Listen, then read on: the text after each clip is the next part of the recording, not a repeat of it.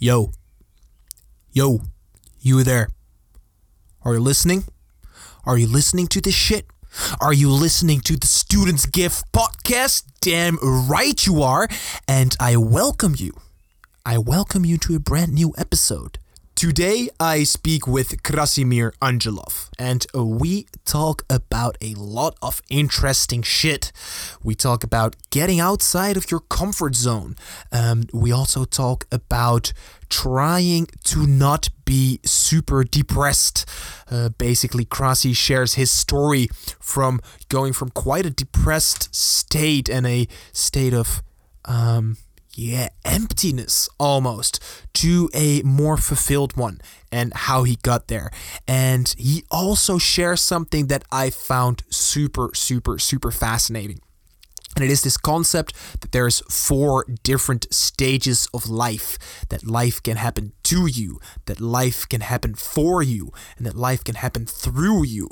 And he just very elegantly explains this concept, and it was something I hadn't heard before, but I did find it super fascinating. So I'm definitely gonna see if there's a way I can implement that in my life. So, Krasi, thank you for that one.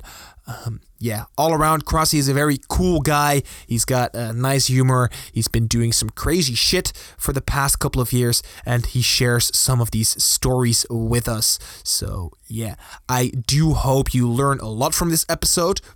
And if you do, please make sure that you share this with other people or that you leave a comment and let us know what you liked or perhaps even things that we can do better as I am always open for feedback. So I'm not gonna talk anymore. I'm gonna shut my little pie hole. You gotta shut your little pie hole. And yeah, I promise I won't make that voice again. Without any further ado, here is Krassimir Angelov. Be more. Become better. Embrace the struggle. Learn the art of living.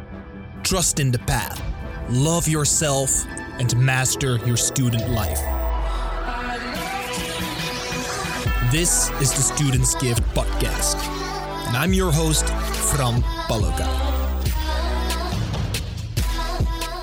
Krasi, Hello. welcome to the show. Thank you for having me here. So we were just saying about recording a podcast like this, and it's like a new experience for you, is it? Or is it? Uh, absolutely new. I've never done it before, Yeah. But there are a lot of things I've never done in life, so I'm always curious. Good move. It's always good to be curious. And we were speaking about how the voice sounds a bit awkward when you hear yourself talk. Like, do you have that when you record videos? I, I remember when I would record videos earlier on when I was a kid, you would like record the video and then you hear your own voice. And you're like, ah, dude, that sounds so fucking terrible. yeah, you always cringe like, ah, do I really sound like that? But um, I think you kind of accept it after a while. You know, that's my voice, and you try to sound a bit more, you know, articulate, not say too many, uh, and then after a while, you know, you, you get used to it. I think. That's it. I feel it also helps good for feedback, you know, especially with the podcast. You hear yourself talk for so many hours that you really start picking up on where, you know, you, where you make those uhs and ahs or like the little words you say in between. And then that way you can hopefully improve your speaking a little bit. Yeah, it's all a matter of practice, to be honest. If you don't do it for a while, you just kind of, uh, well, I don't record my, myself too often, but if I have to like play out something or tell a story, I do record myself, and then, uh, yeah, then I realized that uh, I should probably do it, do it more often because it really helps you realize how you communicate to people. Yeah, for sure. Yeah, and it's also a great way. I used to do this thing. It wasn't necessarily recording audio, but I would do like daily videos just for myself. Mm-hmm. Like I just record five minutes of me just talking to the camera, and it's a great way to just kind of empty your mind. You know, you Yeah. just say some shit, whatever you're feeling, kind of joke around with yourself, and I would always feel much lighter afterwards. Mm-hmm. I guess it's like writing down, you know, everything that happened that day, but also on another level because you're able to express it, you know, with more emotion, with your actual body, not just writing could be more uh, logical in a way, you know, you have a thought and then you have to translate it into writing, so it takes a bit of time. But I guess on a video you could be more um, yeah, spontaneous and more expressive. Yeah, for sure. Do you write stuff down or? I do, I do. Um, recently, more and more. Actually, I realized that if I don't write it, if I learn something and I don't write it down, I forget it immediately.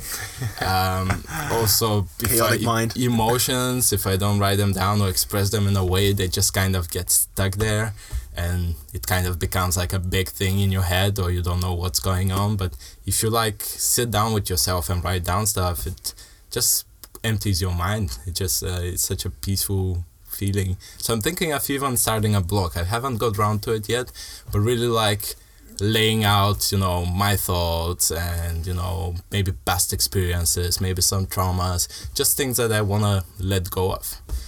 Um, and then whoever wants to, you know, you can, can read it. I'll just post it online and Yeah, open to the world.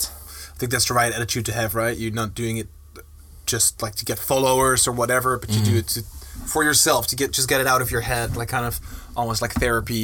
You just put it out there, and then whoever wants to read it, you know, just Yeah, because also like if you start focusing on okay, how do I get as many followers as possible, or you know, how do I make it so people like it, then you wouldn't be as genuine about it. You know, after a while, if you start building up followers, then you can think about okay, how can I reach more people, and how can I reach people that are interested in that. But I think at first you just have to start doing it, Yeah. and uh, sometimes that's the difficult part, you know, just starting. Uh, but that's that's the usually that's different. That's the difficult part. Yeah. Just, just starting, and then yeah, for sure. And especially like if you do something on a, for me at least, it's difficult. Like I start something in like in the grand scheme of things. I start, uh, for example, I start this podcast Mm-hmm. the beginning of this year, but then every time you record something, you have to start again. You know, every time you work on it, it's like a new start. Yeah. And I feel like that's where I usually tend to procrastinate a little. Mm-hmm. Like, you know, I have to kind of write this intro now, or I have to kind of do this or Yeah. do that. And then you, I mean, once you just start, you get into it. But then, Yeah. Mm-hmm. like, yeah, you know, maybe I'll do that tomorrow, or maybe I'll do that in, you know, 10 minutes. And it just kind of, Yeah. you know, lingers. I get what you mean. I'm a master procrastinator as well.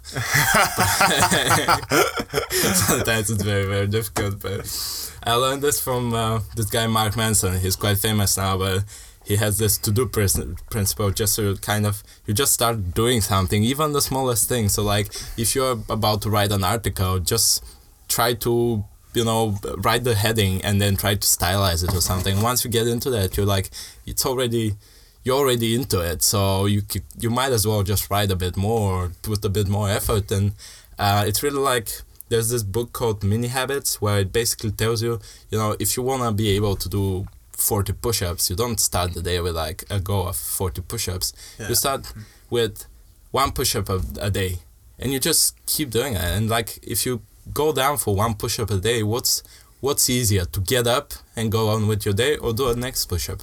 And then at first it would be one, one, one, but after a while it will become one, two, one, two, three, one, two, three, four. And after a while you're already into it. You know, you already like it. You have some, uh, you've built up a base. So that's that's how you build up a habit. You know, rapid things like um, I'm gonna start the gym tomorrow and then I'm gonna push really hard. It might work for certain type of personalities, but for most people it wouldn't. Yeah. That's why You New miss Year, that adherence. Yeah.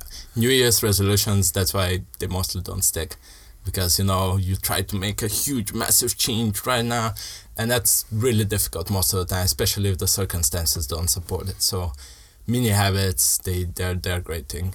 Yeah. Uh, The only issue I have with that sort of advice, especially when it comes down to like 30 day programs and Yeah. stuff, like I did a ton of 30 day challenges, but where they like add one each day, I feel like they don't take into account that, you know, a skill, um, the higher you get in the skill, the harder it gets to improve. Yeah. So I'd rather see a challenge where you go like, hey, we start off with ten push-ups on day one, you know, and then uh, in the beginning you might add one a day, but then at one point you just kind of add like one every two days, and then you add like one every three days, because it's not sustainable to always like Always add one, you know, because then it just kind of yeah, it doesn't work that Yeah, way. but the advice from this book is something different. They always say like, don't add more. Always keep it to you know the minimum effort. So even if you're really good, one push-up a day. Because if you think like, oh yeah, I don't have time to work out today, you know, and you don't do any, you kind of like, um, you just yeah, you just don't train. And then if you do okay, one push-up, how much time it takes Yeah. to do one push-up? Like three seconds. So you just go down on the ground, even if you feel shit, you feel tired, whatever. You always be able to do one push up. So And the- do you allow yourself in the moment, like if I do that one push up, am I allowed to say like, hey, I might as well just do three now because I'm at it? Yeah, that's that's the the whole goal of it. Uh-huh. That's the whole goal of it. That if you do one, you know, if it's a really shitty day, you're tired, you're sick, whatever, you just do one. That's fine.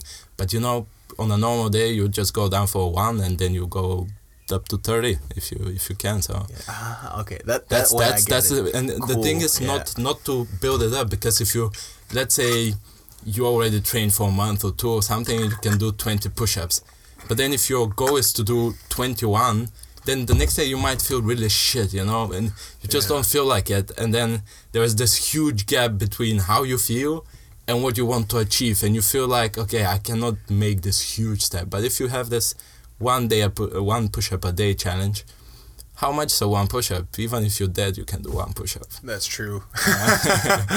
Low expectations. exactly Apparently, that's what make the Danish people the happiest people in the in the world.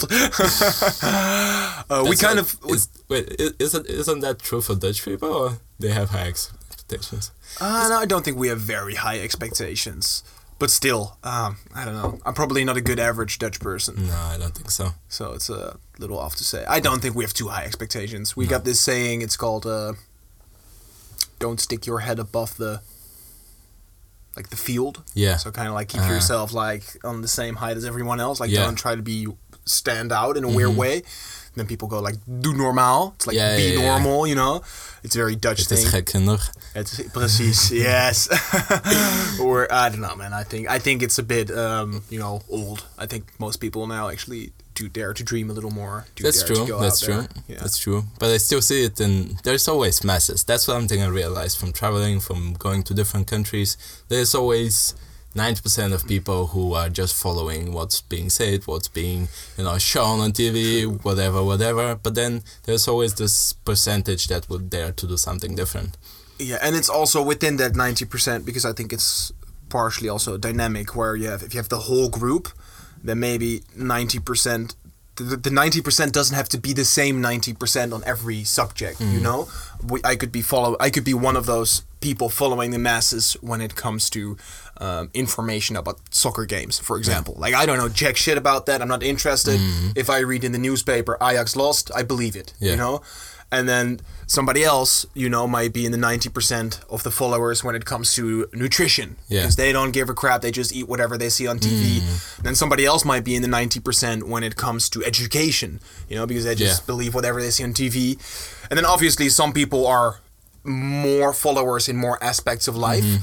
but I think nobody is like a complete follower or like a complete non-follower. Yeah, Like you kind of have get- to make what you choices where you, yeah. I get what you mean, but it's also uh, in areas of um, that are of great importance for your life. I think that's that's the most important things like health, things like sure. uh, finances, Social uh, most- life. yeah, social life, relationships, stuff like that. that sort of stuff. because everybody everybody needs those, and they're like a core thing to our life, to our quality of life. And That's the true. football game. You know, it's an interest, but you know, if there are no football games, you wouldn't die. Ah, say that to a soccer fan. Just like, I they will go fucking crazy, man. I work at FC Groningen and um, I see, yeah, I see it. yeah, fucking the funny thing about um, football fans is like they're the same everywhere. Like everywhere you go, you see like the same type of people, no matter if they're Dutch, Bulgarian, British, uh, whatever. So, yeah, I guess there's a community, but Yeah, they never. I wonder why they're so aggressive. Like they're, I feel My- like it's one of the most aggressive sports fans yeah, things in the world. a lot of those people, I've at least people I've been to school with, they just don't have any other hobby. They don't have any other way to express, you know, what they feel or what they think. So they just, you know, find a way to. That's that's their group. That's where they, you know, get together, and that's that's where they, um, they feel part of something. You know, part of something big. They're fighting for something. So let's say you, or you you have spirituality. You have like a higher goal. You know, do more good, give to people. Uh, that's your drive. You know, that's something higher than yourself. For them, something higher than themselves is their team. You know, it's the same with nationalism. You know, it's a country, and we as people have this need to, you know, believe in something more than us, fight for something more than us, especially men. And uh, I think that's that's just their low level of uh, you know fighting for something. Yeah, they need to find something Yeah. to put that energy into. Yeah, and it's it's really a little about fighting. Uh, they they just do fights, and I mean I don't think that's a bad thing. I guess if they want to fight each other and they do it like arranged, you know, that's fine with me. Yeah. The arranged it- part, that's yeah, it. Like if you arrange to fight and like nobody else gets harmed, but I mean, just take some kickbox kickbox classes. I don't know. yeah, like dude, find another they- way to vent do- that energy. They bring like chains and knives and shit, and it's like Uh, well, yeah. start a new sport: chain box with knives and bombs and grenade launchers. you definitely don't want to be in that crowd. So it's interesting. You say you think it's especially men that are that need that. Uh, What, what- yeah. why do you think that? I don't know. I, I'll probably sound like really traditional and all that, but women in their nature, they have uh, the goal of nurturing something, you know, um, basically creating something as a child and uh, nurturing it. So then that could be their higher goal, not for every woman, um, but you know, they on in their core, that's that's what they would need. At least I imagine that. I'm not too. I haven't done too big of a research, but at least that's what I imagine. And then men on the other side, I'm not sure what's about us, but we we do have a need to fight for something bigger than us. You know, maybe for our family, but it could be our country. That's I think that's how also you know big countries manipulate that. Let's say the states, you know, protect America, you know, fight for your country and and all that, and they just send like really young men fighting overseas for somebody else's uh, needs. So they. Um, for somebody else's interest. So they just use this need of a man to, you know, to be part of something greater, protect it, and yeah, they they abuse it, let's say, for their own uh, interests. Yeah, for sure. I was just listening to uh, Tulsi Gabbard. Have you heard of her? No. She's running for president in t- 2020 in America. Fucking gorgeous lady, like both physically gorgeous. I mean, she's like Mhm. very young. Probably, if she would be president, she'd be like the youngest president Yeah. ever. But she's also so well spoken, and her Mm-hmm. the things that she says just make so much sense. Okay. And one of the things that she's very big on, it's uh, because she served in the military for 16 years. All right. She's 38, so she started Mm-hmm. Yeah. at like 21 in the military. And she's been serving. She's been in Congress for a long time now, and basically, uh, like one of the big things she want to do is get America out of all those regime change wars. Yeah. She's like it's it's just not at all good. It's just mm. the military industrial complex. Basically, you know they make a lot of money on those mm. wars. So for them, it's very interesting to keep those wars going. Yeah. But we leave the places more wrecked than they were before. Mm-hmm. But also our own soldiers are also way more. You know, it costs us a lot of American lives and a lot of money and everything around that. I was like, that's you know, just as you say, you get a bunch of young guys, you instill this image of patriotism in them, like, hey, mm. you're gonna fight for the nation, you're gonna be a hero, you're gonna be a hero of war, you know. They're like, yeah, it's fucking good. And in reality, like, obviously, some, I mean, it's also necessary to have good defense, but many of these guys, they just give their lives because some other people just want to, you know, make a bunch of money Yeah. or have some power that they want to show off. It's really, it's really weird. and they're also like the states is crazy about that but they really target them like let's say you finish in high school they would call you and they they, they would like choose choose you and call you and be like hey do you want to fight for your country and all that because i've heard that from american people and it's quite it's kind of crazy that you know they really do the propaganda still nowadays actively recruiting. Yeah. But I do think I. Oh yeah, go for it. Sorry. I I have to say like um, this would be the dark side of being a soldier, you know, but I do admire soldiers a lot. I actually growing up, I always thought it's so cool being a soldier just because of their bravery, this um, basically being clear-minded in in when you're in danger, when you have to save people, and when you have to maybe kill somebody in order to survive and all that. So this kind of mindset of you know really just kind of pure pure bravery, pure focus, and being hundred percent of yourself. Really, like I know that was something that really attracted me to to it. And after a while, you know, I grew up and I realized you're fighting for somebody else's interest, so it's not the best uh, thing to do. But I still like I was missing that. I was missing this. Like, how do I incorporate this feeling of you know trying to be my best and you know being really uh, strong and real with myself and facing challenges but not go to war and try to kill people for somebody else's interests and i think that's where i that's where i found uh, personal development and actually you know improving myself.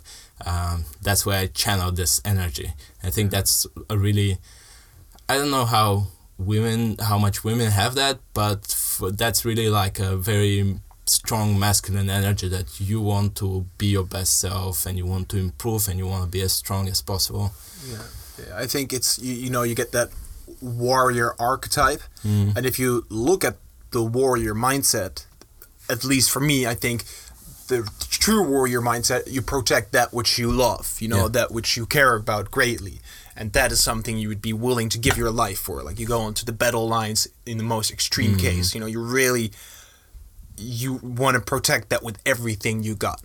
And i think if you take that same sort of mindset because obviously in war it's it doesn't really match that because you're you are fighting you are making the ultimate sacrifice but is it really for that thing you love or is it like for some kind Exactly. of shadow thing? And i think if you integrate that same th- sort of thinking but you actually apply it to something that you do love in your daily life or whatever you know be, be it family be it your community be it whatever it is that you do in your life mm-hmm. i think you could still be a warrior but not be out there on the battlefield Yeah. killing other people Yeah, very true.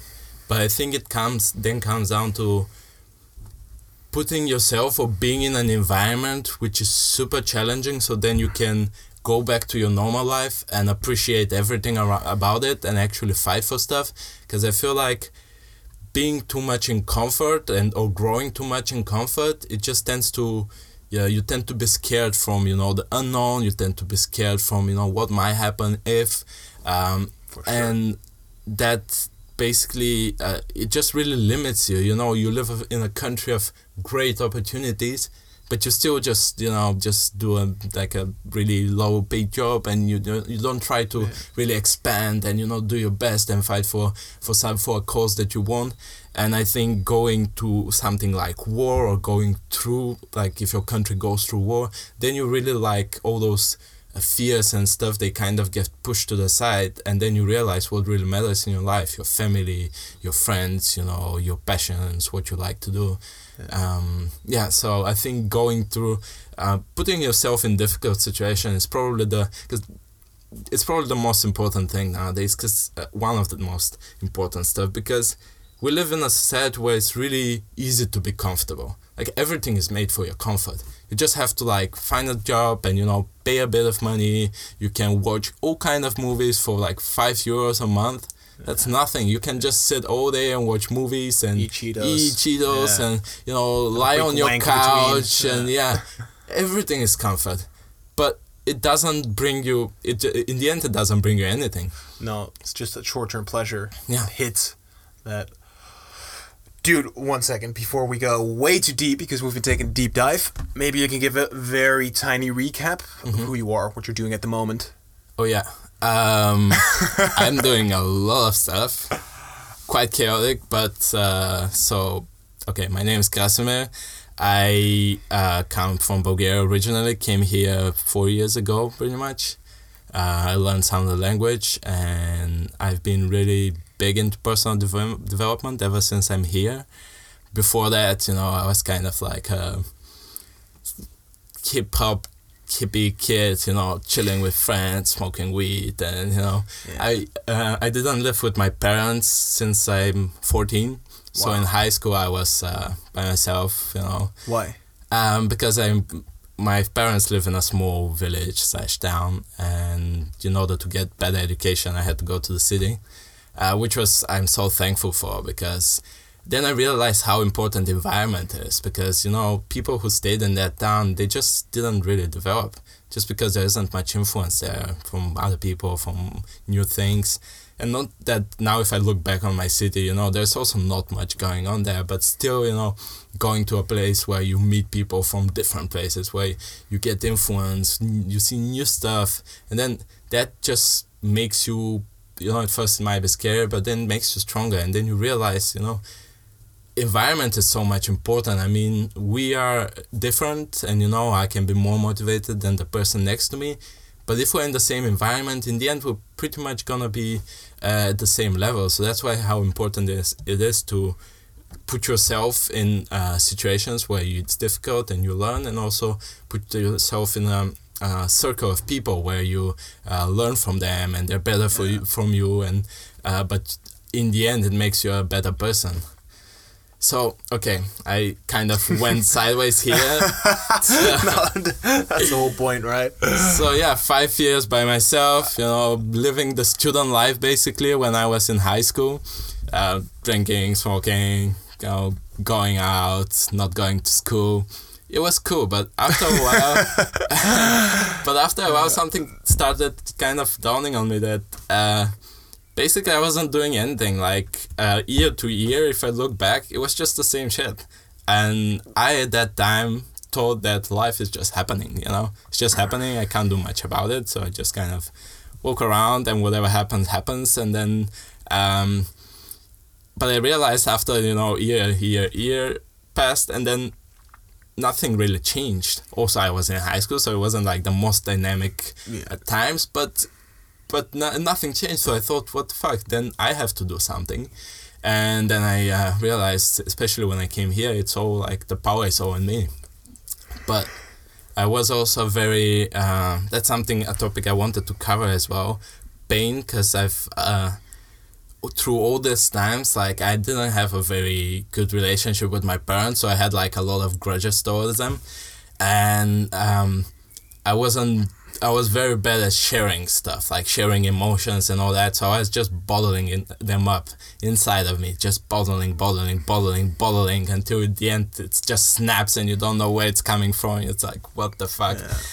I remember um, having like so with my parents it was really like I wouldn't say anything because we just didn't get along so I would just like be very blank not really talk about my life or whatever but that also translates to the rest of my life so I, I wasn't really good at expressing you know who I am or you know what I like and also when you bottle up so many stuff inside of you it's difficult to feel Fucks you up from Yeah. the inside.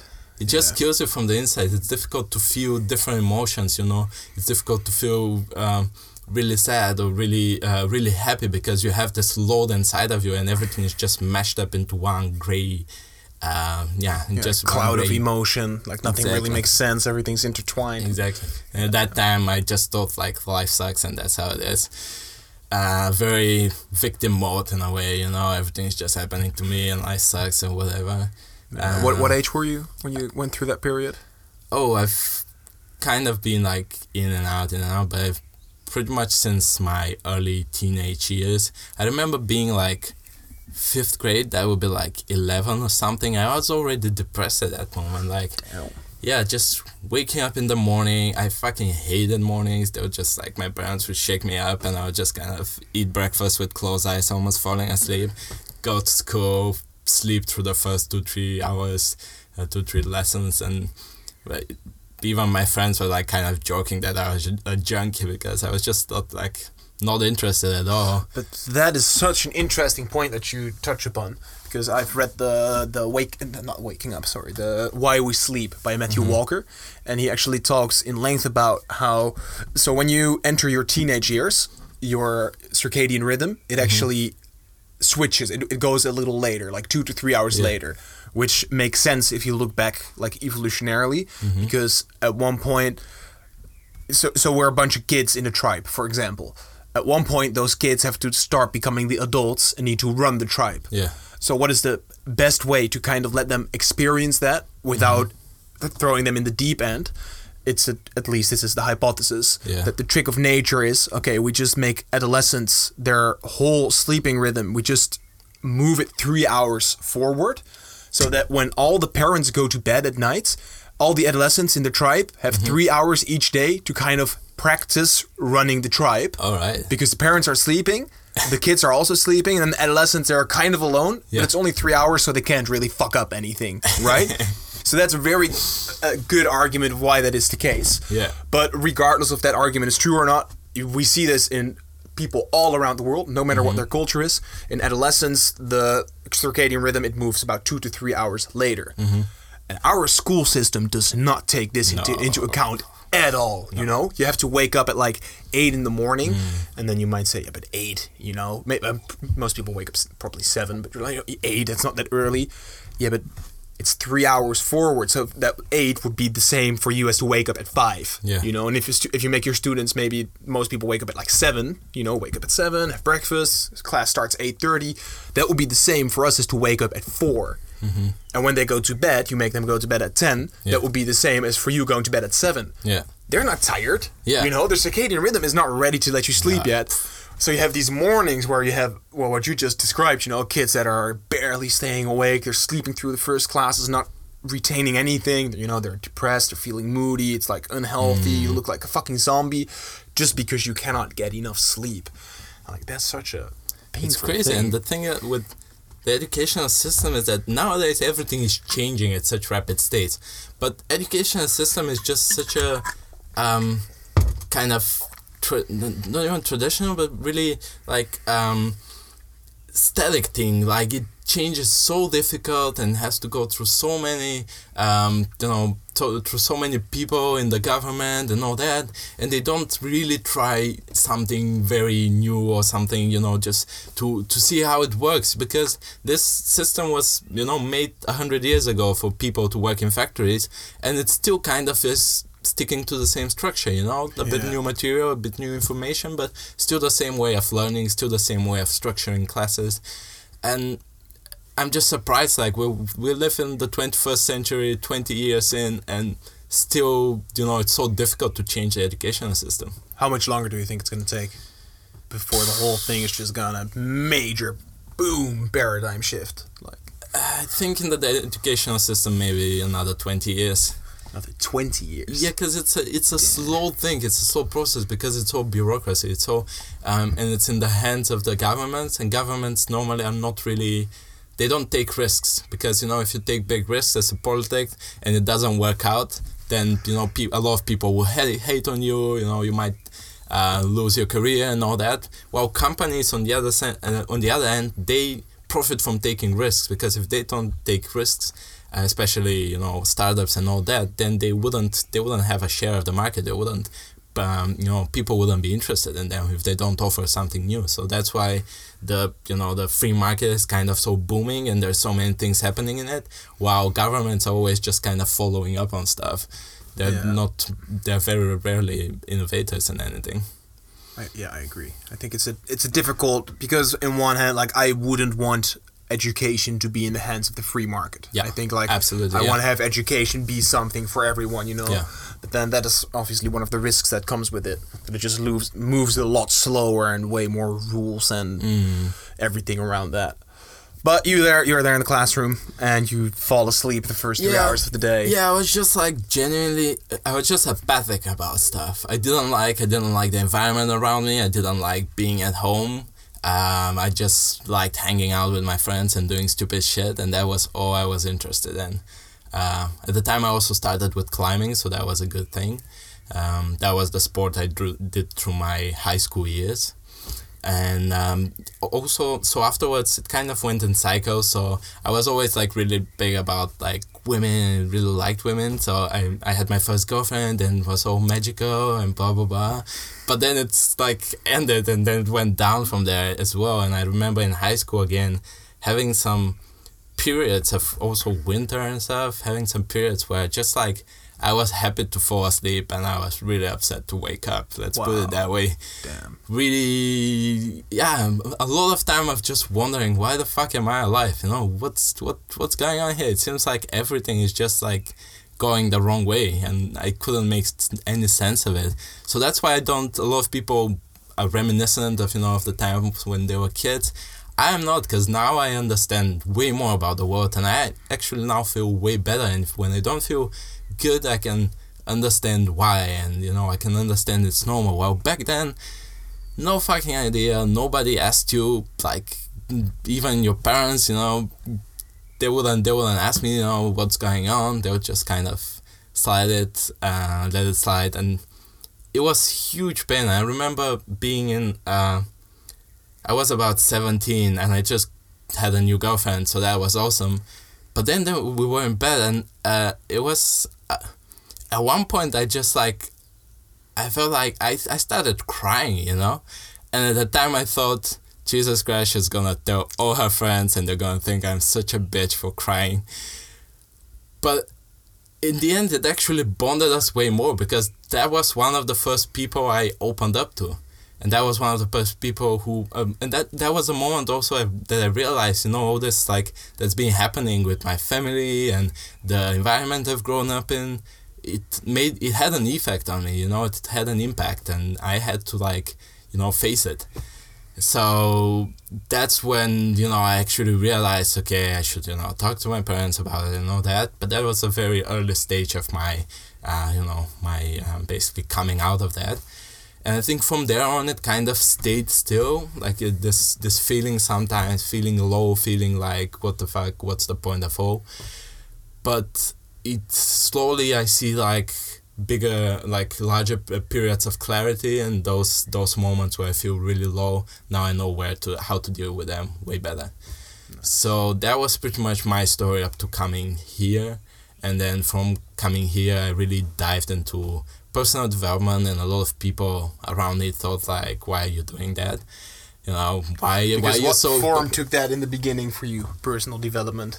Um personal development. I started from women because i never like it never really worked out well or even you know having a relationship and after a while you know just kind of like uh, fizzled out for some stupid reason or whatever and i couldn't get it and i just i remember being really mad at one girl my first year here and i just typed in google like how to stop giving a fuck and i'm just really trying to put it out there and this article popped up and I started reading it. I thought it was like really clickbait um, thing, but I started reading it and I said, well, that makes a lot of sense. All right. So I started reading his articles more and more and more because this guy, Mark Manson, Mark Manson, he was backing his uh, up his stuff with a lot of actually psychology psychological um, you know researches and blah blah blah and books and stuff like that and then I realized, well, a lot of the things I've thought about life are quite wrong. You know, the, a lot of the ways I've been looking at life are quite wrong. So from there, it started like, okay, how could it be different? And I remember reading, reading something about, um, probably something about women, or it was, or about communication. And then I went to this event, and I was feeling somewhat different. And then there was also like what kind people, of event was this? It was like a music event in a tiny Irish bar, and it just kind of the night unfolded in a very interesting way. Like people were interested in me. I met really nice people and all that. And I thought, well, that's interesting. You know, that was a quite a shift from just reading something. Um, and before that, it would be a huge struggle, like where I have months of you know things just going shit, and then at the end there would be this moment of you know things going well, and then back to shit. So I really wanted to figure out, okay, what does make life feel good what, what what makes it go well and what makes it fall apart and how can i take this part where it goes well and just expand it and you know have it more often so that's where my interest in life in general and how can we improve how can we live better lives that's where it came from just from more my own personal suffering and how can i take this uh, sublime moment that i barely had and expand it into my whole life yeah, I think that's a, a thread I see, like very, very common thread I see running through many people's lives, mm-hmm. including my own. You know, that it's, we've suffered ourselves, and uh, luckily, like, we found a way to kind of get out of that suffering, yeah. or at least partially get out of that suffering. And then it makes you understand, like, oh, wait, all these other people are also suffering. Mm-hmm. Like, and many of them have not found a way yet to get out of that. Yeah. And I feel like a lot of people that I speak to that are now actually living a more fulfilled life, a more productive life, you know, they're getting more shit done, they're trying mm-hmm. to improve, trying to grow. I feel like most of them came from that place of suffering themselves first, you know, first experiencing that pain, going yeah. through that hardship. And afterwards you realize like, oh wait, yeah. And then with that automatically I think comes the desire to share mm-hmm. that. Right? Like once you've discovered it, you want to share that with other people and be like, Yeah. "Hey guys, look at look over here, you know, I found it. Here's the door. Here's the exit." But also, once you become such a person, you start to radiate more. So people around you start to get more interested in, um, interested in you. Like, why? How did you make such a change? And uh, why do you behave in such a in such a way that is different from from from the people around you? And um, that's that's a beautiful thing about change that you also influence the people around you, and you don't have to like go there and actively tell them. But the ones who want to know, they would kind of find you that's uh, I think that's why it's important to do stuff like that to kind of put yourself out there you know put yourself who you are what what are your interests you know because you invite all those people here because you think what what they have to say is something interesting and That's that's it. that's also part of you And that's. You need to connect with people, right? Because I think like nothing that, at least nothing that I say, and usually nothing that we speak about is new. You know, mm-hmm. it's not new. It's No, all it's all been done not at all. before. You know, people have done this for thousands of years. They felt it, they experienced it. You know, in many different states of consciousness and mm-hmm. ways of verbalizing and expressing themselves. But I feel the task of every person and every generation and every society is just to keep rewrapping that same wisdom maybe you know like polishing it a bit here and there Yeah. just making it attractive again for the new generation for the people that don't know. Like you grab that same wisdom and you just try to package it in such a way that maybe a couple of people get the message and they go like ah you know? Yeah. And it's like yeah. It's also that especially in our times things are very much changing because you know things like instant communication you know the internet this whole Pornhub YouTube. Yeah all the time. Those are things that has never been seen before in the world. And uh, you can't we're still the same people. We still have the same needs same emotions but now there's a huge factor in our life that influences that and we have to find a new way to deal with it. I think that's why it's important to always rewrap it in a new way and find uh, what your connection to technology is and what your connection to you know your phone and all that is because that's something new that you know Pythag- pythagoras or whatever or plato didn't have thousands of years ago uh, although they did spoke very wise things and very truth stuff we need to find the truth in their stuff and relate it to our own environment True, very true. That is true. There is definitely new things, especially with technology and stuff. But I think a lot of the wisdom is pretty ancient. And uh, but yeah, definitely we have very very complex uh, issues nowadays, right? Whether it be what are we gonna do with autonomous vehicles, or Yeah. whether it's like social media, or you know exploring space. You know, they're very existential questions. Super interesting as well. But yeah, that's definitely new for us. And you spoke last time when we sat outside here. You, which I found very interesting. You spoke about life happening for you, life happening to you, life happening. yes Could you could you run us through that process and So those um, this kind of uh, breaking down is from a book called um, Power versus Force, and basically it separates the consciousness of people in four layers. And the first one, the basic one, is to you, where things are happening to you, basically victim mode, basically what I was uh, in my you know adolescent years and a lot of people are in this you know life is happening to me you know why is it raining outside and why do i have to go to work now? And like um, you know this kind of like life i don't have any influence on life. It's not my choice it's just how it happens and i have to deal with it. So that's a very not really it's not an empowering point to be in life. It's not an empowering uh, stance to have in life. Everything's happening to you you don't have control over it.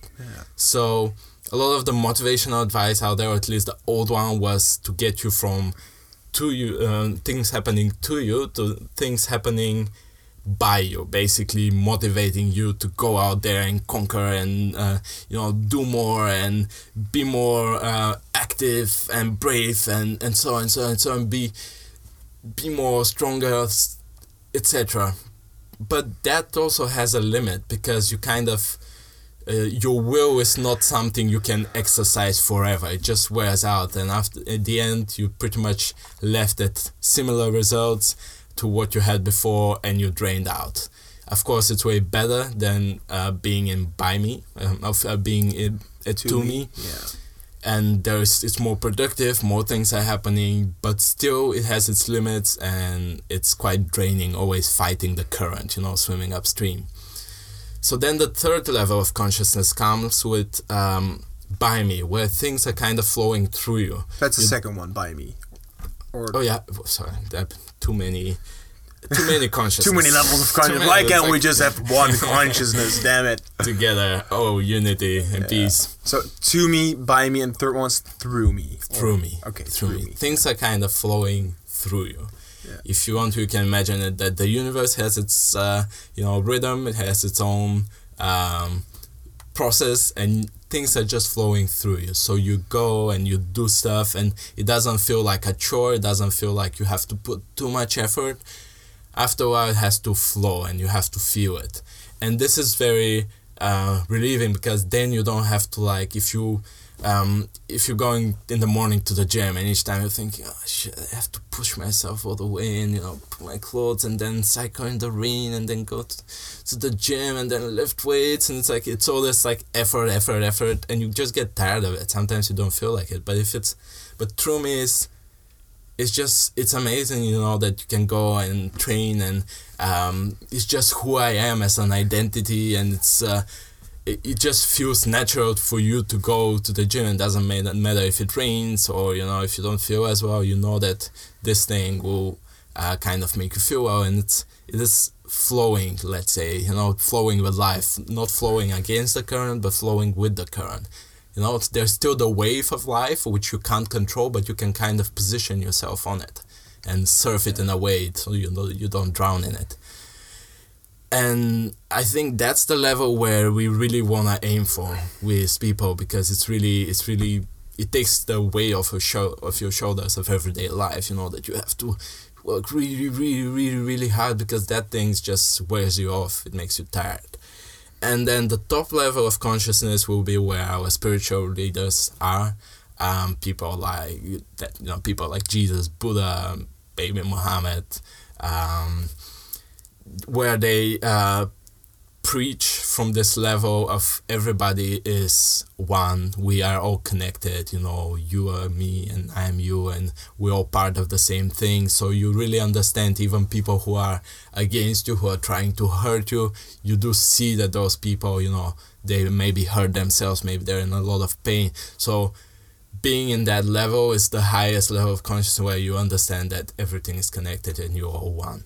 And it's a beautiful level and i think not it's not for well maybe not everyone can reach it or not in this life but uh, i think going from by me to through me uh, you know through me is a very beautiful place to be and you sometimes feel it you know when you're in the gym and you're in the zone it's kind of like being in the zone you know you don't have to think about it you're just doing it and it's just go, it's happening. And um, those are those levels and they so have could, could we call the fourth one with me? Maybe. you can call it however you want It's All right, I just it's doped a- it with me. All right, It's everybody about, here it's is about with the me. feeling you get It's about from the- it. That's true, but it sounded so good. You know, you got to me, you got by me, you got through me. Then I want to have With like a something with me, uh, with me in it. And he Yeah. has a really interesting diagram or pyramid, however you call it, with all the emotions we have and how those emotions rate on those consciousness. And let's say if you have apathy and all that, really at the bottom, like you don't, there is no power to it, there's no force to it. It's really at the bottom in victim mode, in to me. And then you have anger somewhere close to the top of uh, of to me because anger, although a negative emotion, it has a lot of force behind it. It has power to change something. So from there you go further into you know courage and um, can't remember from the top of my head, but you know they slowly go from positive, positive, positive until the top one where it's love. No, yeah. So it's really interesting to look at and uh, compare because then you really get a get a grasp of uh, you know how when you're feeling something at what level you you feel it. Yeah, that's the essence, right? For everything, love, the end Yeah. goal. To me, well, uh, I'm, uh, it doesn't even have to be a goal, right? It's just everywhere, and I feel like Yes. once you internalize that, that's the place where you want to be. Yeah, it's it's about being able to feel it and really internalize it because on an intellectual level, I Oh, yeah, I, pre- I really yeah I really, You got it everywhere really on the it. walls, you know, Yeah. live, love, laugh, you know. Happiness is not a journey. It's a, I mean, happiness is not a destination. It's a journey, you know. Just love your family, Mm. blah, blah. You got all those tiles, and then people are still coming home screaming, yelling, oh my fucking God, this bad day at work, and the fucking bitch, man, she took my sandwich, and, you know, I put my name on there, and you get Mm. Yeah. people going crazy around, about the, like, the tiniest things Mm. that don't matter at all. So I think it's de- definitely that difference between um, understand like understanding something intellectually, but then internalizing that, Mm-hmm. Yeah, really emotional feeling level. that experience. Yeah, And they also, um, this guy Peter Sage speaks about you have a few levels of uh, you know understanding something, of learning something. The first one is like the intellectual some level, so you learn it uh, and you know it. Okay, love, you know everything is love. Okay, good, cool. But then the emotional level is is way deeper. Then you then you know it's like okay, a good example would be cigarettes. You know that smoking is bad for you, right? It's everywhere. Smoking is bad for you, dude. I smoked back a day. I feel fine. You're the only exception. yes, man. I'm like a, a reverse human. If I don't smoke, I die. you remember Popeye? He would smoke, he smoke like a pipe, right? Popeye. Oh, Popeye, yeah, yeah, yeah, he would smoke a pipe. He, well, that dude was buff as fuck. Yeah, that's true. It should be the That's new true. gym regiment, man. You know, train more, cigarettes every. Cigarettes is something I've never got. Like I never, never like understood it. You've never smoked? No. Oh, I, I've tried it, but you know, I've never been an active smoker. Never, and I never understood it. Smells move. bad. Smells bad. You spend so much money on it. It's super unhealthy. It's just there's literally no reason to do it. To But- be cool. That's the reason. To be cool. That is the reason. Okay. And to be fair, like, I smoked for four years, and now Mm-hmm. whenever I s- smell the smoke, it still smells good. It's weird. Yes, but probably because you're connected to some emotions of. Yeah, for uh, sure. Yeah. Some And- uh, hardcore Pavlovian shit going on. Yeah, so just to quickly go back to what we were talking about, um, you have the intellectual, then you have the emotional, then you have identity, who you are, and that's the strongest one. If you manage to make something part of your identity of who you are, then that's where it really sticks. And um, you you love going to the gym, you know. You could say you're a gym bro, right? Yeah, for sure. so part of my identity, bro. So if you're a gym bro, what you're gonna eat Cheetos all day and stay on your couch? No, gym bros go and they train. Protein shakes, Yeah. bench presses. It's like eh, being, you know, being being vegan. You know, ve- being vegan, they can eat a steak. You know, they can process a steak.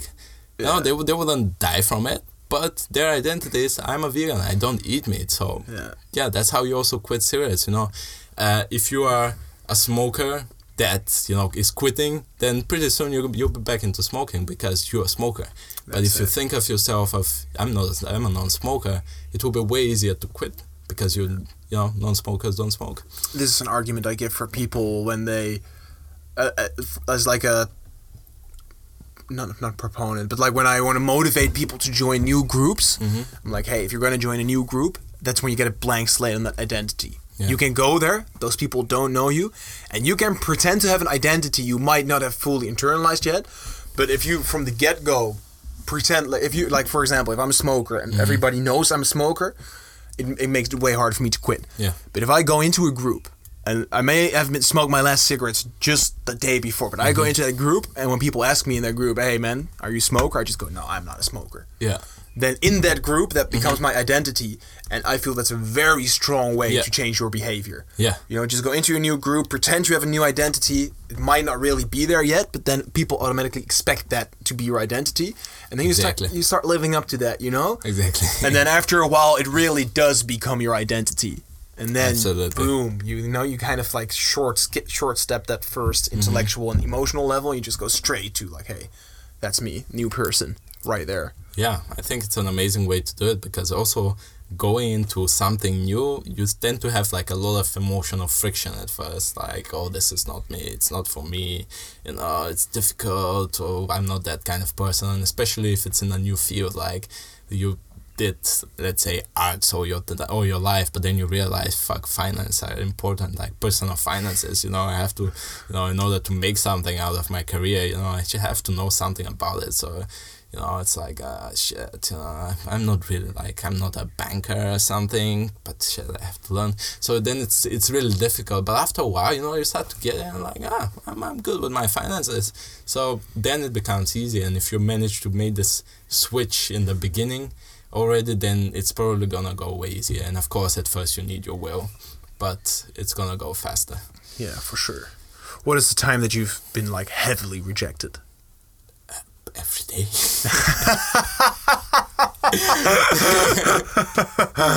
Nice. uh, heavily rejected from people or yeah, yeah, like uh, some moment where you were rejected by another person or by a situation. Oh, there was this. Um, I was in a bus in Amsterdam, and I was just moving places and all that. So it was like a really long journey, like half an hour to get to my previous place. And there was this girl sitting in the front, and I thought, well, I have half an hour, you know, I can just go chat to a person, meet somebody. So I go there and I just say like, hey, hey, you're beautiful. But she was with her headphones on, so I um, I just kind of poke her a bit like that and say she takes them off and I say, "Hey, you're beautiful." And before she says something, like the there was an old person next to her. There was a, a woman kind of across from her. They all jump on their feet like you know like there's fire like there's emergency they jump on their feet and before i know i just kind of like go back the woman starts pushing me to the back and then uh no, no first she blocks blocks the way on the other side. There's a young guy who jumps and starts running towards me. She blocks him. So first she blocks me then she blocks him then this big kind of like mike tyson looking guy. Uh that guy just right next to me comes in, in my face and say what are you saying? No? This there is her boyfriend. What do you want? I said i just wanted to say she's beautiful. All right you know just like it just escalated from i'm you know just trying to chat up a person you know i want to kill some time through i'm about to have a fight in the bus with like a guy who looks like mike tyson. So he was her girlfriend, the, the, He the guy, or? No, it was. Uh, I guess those were her father and mother, and then that was the boyfriend that was in the front as well. And then when this boy, when they were all leaving the bus afterwards, so I went back to my seat and I just like started laughing. Uh, so when they were leaving the bus, this boyfriend kind of comes to the window and just does those gestures like he wants to fight me. It's like, what the fuck? Why did you go on the other side of the window and then now you're trying to fight me? have you ever seen that video of the dogs where they send like two groups of dogs? They send them like on one side of the gate, like different sides Yeah. of the gate, and they're barking and they're barking. And It's like super crazy, mm-hmm. but it's like one of those automatically opening gates, Yeah. right? And all of a sudden, this gate just like starts opening, opening, opening, opening, opening, opening, and like the moment the gate is gone, you see all the dogs just looking at each other. Turning around and walking away. It's like such a Same thing. perfect analogy for that, you know. Like as long as you think somebody's like far away, like, oh what up, bro? You want to get in a fucking fight, mate? What, huh? And then as soon as you get close to each other, it's like, oh no, Yeah. no, never mind. Let's, Yeah. you know, never mind. But that's fascinating that people can get so upset about something so Absolutely. insignificant. Yeah. I mean, that speaks a lot about how they, at least for me, that speaks a lot about how people feel about themselves, right? You I think so as well. And how about they feel about like people a bit as property as well? Like, you know, this is my daughter or this is my girlfriend. If somebody talks to them or has some interest in them, I'm gonna beat them up or whatever. And then you just consider this person a property, you know? They're trying to take something from you or whatever. exactly. And the thing is, if you're confident and if you're confident about your relationship, you wouldn't go out there like I've met dudes. Uh, you know, I would go there and talk to their their, their girlfriend. They would just come around and they would just start a conversation, you know. And then it's like, oh yeah, okay, you're together, whatever, you know. yeah, that's it. So that's when you're really confident with yourself and you know being trusting that you know we have a strong connection. My girlfriend wouldn't like suddenly run away with some dude who went and spoke to her. Um, but some people don't feel that way. Some people feel like I fought for this. You know, this is my property. That's that's what I own, and you know, somebody is trying to. Yeah, it it really crazy. Yeah.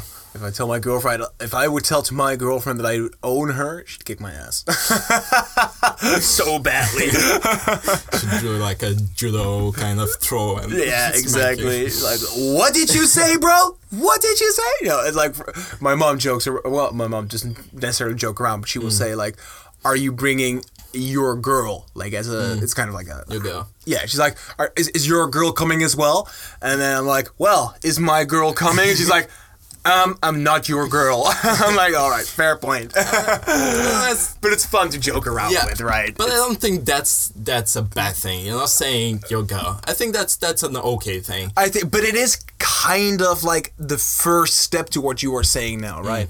So obviously we joke around about that. It's nothing too serious. It's not like we're literally like, of course, people also like to, especially girls. I mean, they like to also be someone's, right? They like to be appreciated. They Yeah. like having someone be that protective about them Yeah. because it also, you know, it's also a very primal dynamic. Like Mm-hmm. you want to have that protector, that person that says, "Hey, don't don't touch her," you know. But then I think when you take it to an extreme, Yeah. you, it's you as soon as you start limiting someone's liberty to do their own things, it's a slippery slope, you know. It's very I get what you mean, but just small words like your girlfriend, I don't think that makes a difference because you can say your friend. Does that mean that you own your friend and he's your slave and you can do whatever you want with him? No, it's just your friend. You are you, and this is your friend. It's not Yeah, that- much that's true. more than that. But that is also well, I guess we're getting in semantics now. But that's also the word f- friend, right? That is more like a status you have with someone. Mm-hmm. Yeah. When you would say like, if I say she is your girl, right? Well, it's already a bit. like, she's she's a girl. She, yeah. yeah, she's a girl. So- she's your she's- girl. yeah. I mean, she's your girlfriend, sure. But then Yeah. she's your. I mean, obviously, this is not a. I, I don't think this is an issue. Like, Yeah. I will say, like, she's my girl for sure. It's joking around. But I feel like when you take that to a further extreme, you Mm-hmm. get what you were saying now, and you get, you know, she's my girl. No one else is allowed to talk to her. It's my girl. Fuck off. And you're like, whoa, whoa, whoa. You know? Yeah. Well, it, it more comes down more comes down to the fact that they don't think she can make a decision for herself. They don't believe she can, you know, um, kind of stand up for herself or defend herself. So they have to defend their property. And I think that's the if you know if you start there and if you go there and you start touching her and you know you start actually abusing her, well, of course he's gonna have to step in. But you know, just talking to somebody doesn't make sense. She can just say no, I'm I'm not interested. You know, I have a boyfriend. Oh, oh, thank you, but you know, whatever. And Yeah. then you don't have to go there and talk for her, right? You don't have to fight for her. But that's the issue. I think the people that people attract each other, right? Probably the kind of girl that wouldn't say that herself attracts a boy that does that sort of behavior. Whereas I think most of the times when when you have like a healthy relationship and you know the girl would um, not, not protect herself, but she would like stand up for what she believes, and the boy stand up for what he believes. But then I think that is more balanced, you know. But when you find someone that's like super super overprotective, Yeah. you probably get a girlfriend that enjoys having someone that's super overprotective, right? Exactly. Maybe a girlfriend who's not so confident in standing up for herself or you know being an independent person. Or, so, yeah, maybe. oh, Yeah, it, it, there is always a person for somebody. The question is, do you want to attract such people? That's it. Yeah. Uh, yeah. What do you think about a rite for boys to become men? A right. A rite, like a passage, a rite of passage. Can you can you say it in another way just to clarify what it is? So, for example, in tribes, like all tribes, you would have either a psychedelic ceremony or some kind of hunting trip, or you got some sort of thing where, uh, like for me at least, I think women have kind of have this built into them. Yeah. Like first they get their period, Yeah. more, more extremely, obviously they get pregnant and they have to have a kid, which Yeah. is fucking mind-boggling. I can't even imagine what you have to go through as a person. You know, Yeah. that that I- cannot see how you can still be a girl after that. You know, it's such a life-changing Mm. Yeah. thing. You literally push a baby out of yourself. But boys don't have anything like that built in. No, that's true. And I think military w- used to be something like that in our societies. Let's say back in Bulgaria, there was this uh, mandatory mi- military service when you became when you finish high school. So that's why a lot of men from the past, uh, you know, older men, they are reminiscent about those times. Although it was really difficult, and although their sergeant or whatever was a dick, and they used to skip a lot and whatever, but they have this feeling like yeah that made me more disciplined made me more of a man. It actually changed my life changed made made me become more you know more of who i am now. And i think nowadays we do miss a lot um, of that especially with all the comfort we get. So there's no um, military service you know it's going through hard shit. Waking up when you don't want to wake up listening to somebody else's orders and having to uh, be in an uncomfortable situation somewhere in a ditch or whatever, you know, just crawling in the mud and all that. But it makes you more, going through those experiences makes you stronger. And, you know, in tribes before that, they would go through those hazing experiences and um, in, in all kinds of, uh, of ways where they, they become men. But nowadays, we do miss a lot of that. So we have to kind of create it ourselves in a way. For me, that was more challenging myself um, socially. How would you do it if you had a kid, like a boy, 14, 15? Well, what age would you do it, and what would you what would you make him do? I would start actually from a very young age, not not trying to make him a man at four, but uh, basically I would teach him, train him from a very young age, and I'll try to understand the age he's at and how to make his world around him work for him. Uh, I will start with that, and when he starts becoming more of a, um, you know, coming to being an adult, uh, I will basically, because it's also they say it's difficult to train your own kids because you know kids almost never listen to their parents, right? So They I would, you though. They see what you do and they copy yeah, it. exactly. So Yeah. uh, I would uh, at one point maybe around there 16, 18, but they just send them on a on a camp with people I trust, and I'll just uh, send him there and I'll tell him what it is about and why why he's going there and and all that. And of course I wouldn't necessarily force force him if he really doesn't want to do it. I wouldn't force him, but. I, th- I I would to make say, it appetizing to him. Yeah. Be like, do you want to become a man? Yeah, Yeah, sure. How do I become a man? Like, well, it's not gonna be easy. Are you sure you want to become a man? Are you ready to become a man, my son? And he's like, yes, I'm ready to I- I- become a man. you know, You know, you hype him up.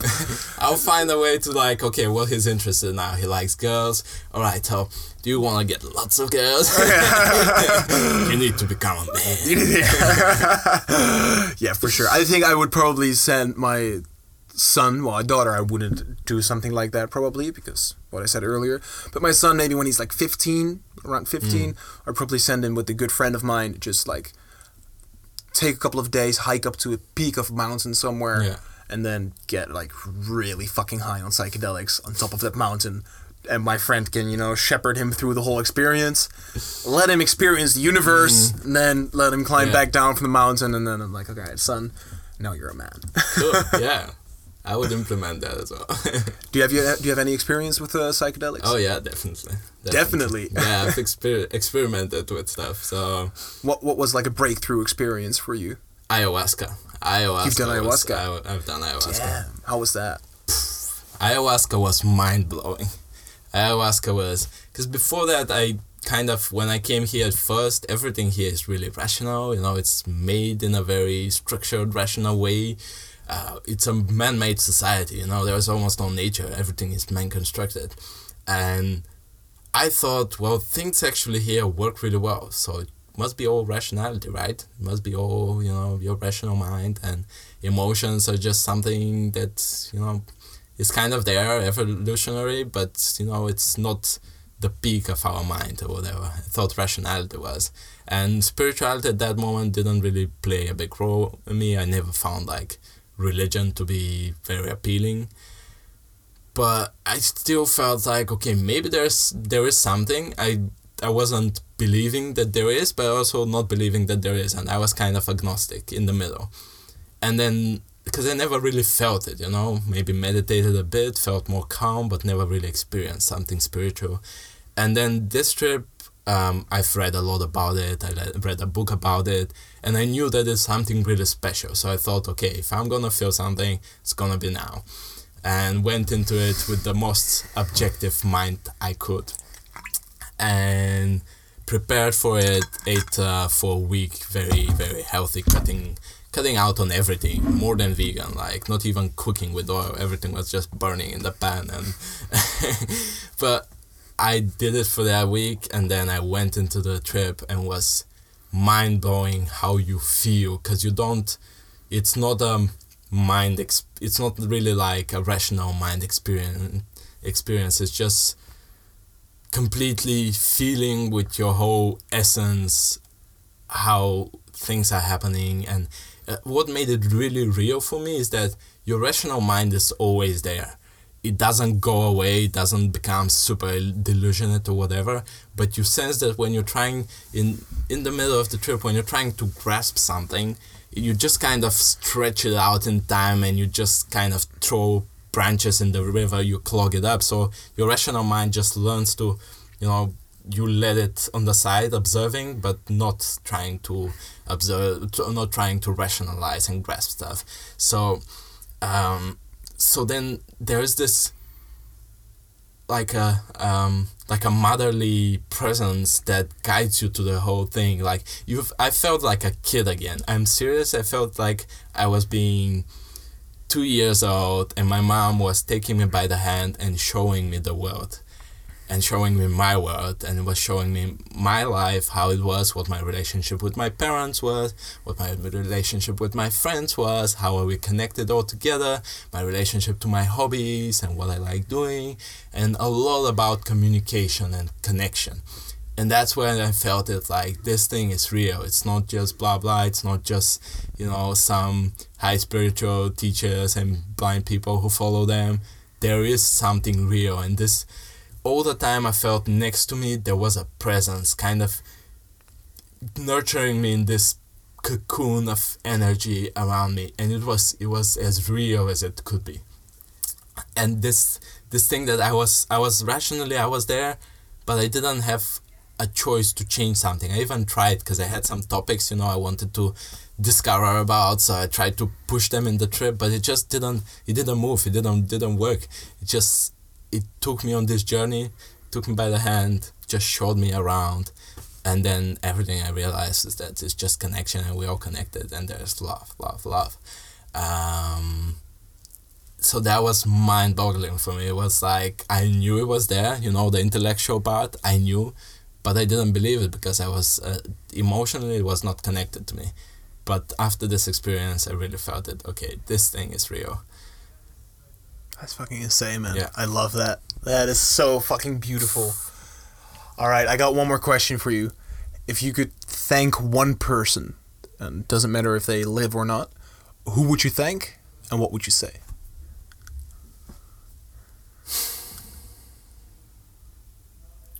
Okay, I really need to think on that one.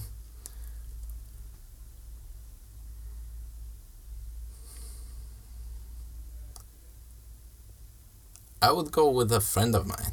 She's like my an ex girlfriend of mine, but she's still a very good good friend of mine, and she was the first person that kind of opened up my eyes that uh, life can be uh, op- more showed me that life can be lived differently, uh, because their family was really artistic. Her father was a painter, his mother, her mother, an illustrator. Her brother was a tattoo artist. Um, so their family it was a it was a cuckoo family. It was like everybody kind of chaotic, and although it wasn't the perfect family, I just found out like life can be lived differently, and you know you can actually feel good at home, and you know there there can be a different way of living life and still you know enjoy it and survive it. So I would like to thank her. She's still a really good friend to my to this day, and we support each other. We help each other although we live so far far away from each other. Nice. Thank you very much, Vaiana. cool. All right. Where can people find you if they want to get in contact with you? Uh, Facebook, um, Krasi space Mir. That's me. If you can't find me there, um, Instagram is Kraso1, K R A S O uh, underscore one. So I don't go on Instagram that often. Smart move. Yeah, I try to avoid that. Um, so Facebook would be the go-to, and uh, I think that's that's really that's really the thing. Facebook. Perfect. Is there anything else you want to add? Um, Last parting message. last parting message. I would encourage people to uh, really live by who they are, and that might sound a bit cheesy, but you really need to find ways to discover what am I uh, really craving for as a person, what are my real desires, and what do I want my life to look like. And once you find out those, you do your best to live by those desires because it really there's this thing of congruence where you if you don't live by the way who you are on the inside then there's this incongruence and when life is just not happening. There's too much friction. But once you kind of get centered in who you are and what your wishes are and then you can go out there and you know freely express it. So there's no difference between the outer layer the who you are in the outer world and who you are inside. Then things really start to start to happen. And i'm on that road. I've um, i'm not 100% there but i like to encourage people to really go for that because it's stupid to be afraid uh, you know of who you are and be afraid of how people are gonna judge you so find ways to challenge yourself and really discover who you are on the inside and act on it because then you get real satisfaction even if you don't get uh, what you want Cool. All right. I wish you the best of luck on the path. I think it's a beautiful path to walk, and I really enjoyed talking to you. Thank you so much for doing this. thank you so much for having me here i wish you the same Cool. Much love to you, man. much love to everyone This is the Students Gift Podcast. And I'm your host, Fran Paloka.